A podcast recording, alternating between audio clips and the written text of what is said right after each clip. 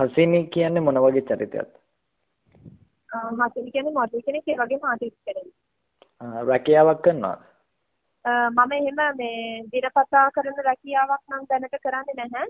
මම නිරූපණ ශිල්පිනියක් විදිහට මේ කලා ක්ෂේත්‍රයේ වැඩ කරනවා. ඔබ ගොඩක් ජනප්‍රිය වෙන්නේ ඔබගේ බර්ත්ඩේ පාටි එකේ ඔබ ඇඳන් ඉන්න ඇඳුම හින්දා මොකක්ද ඒක ගැන කියන්න තියෙන්නේ? අත වශයෙන් කියනවා නම් බර්ත්ඩේ පාටි එකට මම ඒ කියන්නේ මගේ උපන්දින මම ඒ ඇඳුම ඇඳේ කිසිම හේතුවක් මත නෙමෙයි අතන උපන්දිනේට මම හිතන්නේ නෑ ඒක නිසා ජනප්‍රියකම මට එහෙම හිතනවා නම් එහෙම වෙන්නත් නැති. ඔව්. ඔබ ඒක ඇඳ ජනප්‍රිය වෙන්න නෙමෙයිද?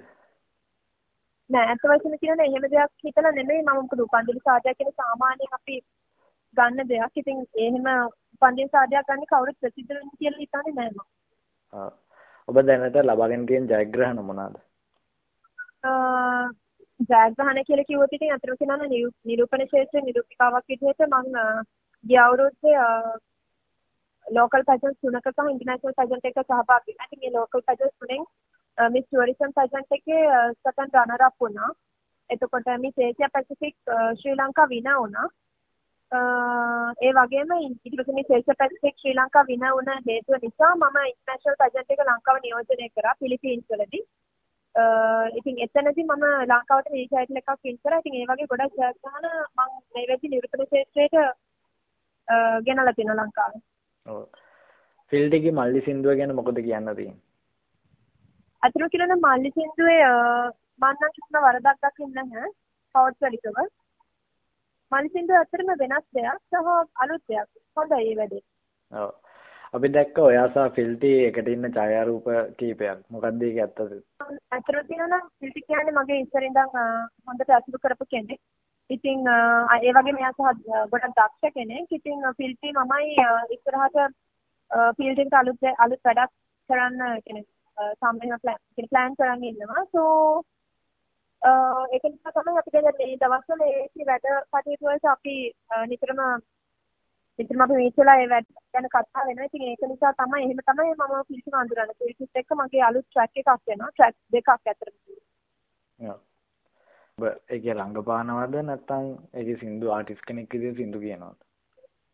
ඇත්ත වශයෙන්ම කියනවා නම් මම දැනට තාම රංග රංගන ක්ෂේත්‍රයේ යොමුලා නැහැ.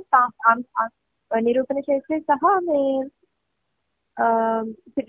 ඒ ඒ දෙක විතරයි මම කරේ. තාම මම රංග ක්ෂේත්‍රයට නම් කිසිම දෙයක් කරලා නැහැ එහෙම. ඔව්.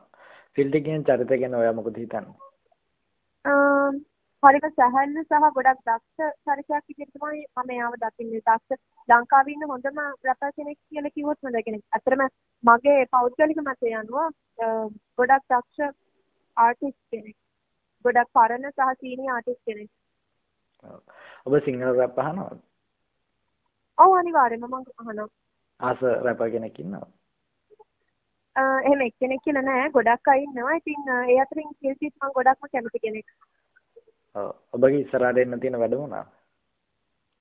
ඉස්සරහට මගේ මම දැන් මම ගිය අවුරුද්දෙත් මගේම කියලා ට්‍රැක් එකක් කළා. සහ මේ අවුරුද්දෙත් මම මගේ ට්‍රැක් එකක් කළා තිබුණා. ඒක ළඟදී මවුට් වෙනවා. ඒ වගේම තව ෆිල්සිත් එක්ක වැඩ වගේක් කරන්න ඉන්නවා. ඒ වගේ වැඩ ගොඩක් තියෙනවා මේ අනාගතේට. ඔබ ඔය ඉන්න තැනට එන්න උදව් කරපුවා ඉන්නවා නම් මේ වෙලේ මතක් කරමු ඒක. උදව් කරපු අය කියලා කියනවා නම් වශයෙන් කියන්න බෑ. ඇත්තටම ගොඩාක් අය ඉන්නවා. ඉතින් මම හිතන්නේ මට උදව් කරපු හැම කෙනෙක්ම මේ අවස්ථාවේදී මතක් කරන්න ඕනේ. ඔව්.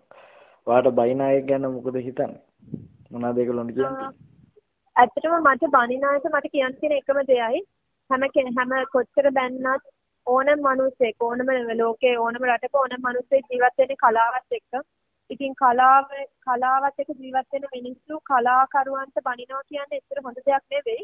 නමුත් මම ඒකට වරදක් කියන්නේ නැහැ. මොකද හැම වෙලාවම හොඳ අහන්න විතරක් නෙමෙයි බැනුම් අහන්නත් කලාකරුවෝ විදිහට අපි ලෑස්ති වෙලා ඉන්න ඕනේ. ඉතින් ඉතින් හොඳ සහ නරක දෙකම මම මම අතර මම බාර ගන්නවා. මිනිස්සු බණින එකත් මම බාර ගන්නවා. ඉතින් අනිත් මම මිනිස්සුන්ට වරදක් කියන්නේ ඒකට හේතුව මොකද එක එක්කෙනා දකින්නේ එක එක විදිහට. ඉතින් අපිට මිනිස්සු හිතන මතේ වෙනස් කරන්න බෑ. හැබැයි අපිට පුළුවන් කලාකරුවෝ විදිහට මිනිස්සුන්ට වෙනසක් දෙන්න.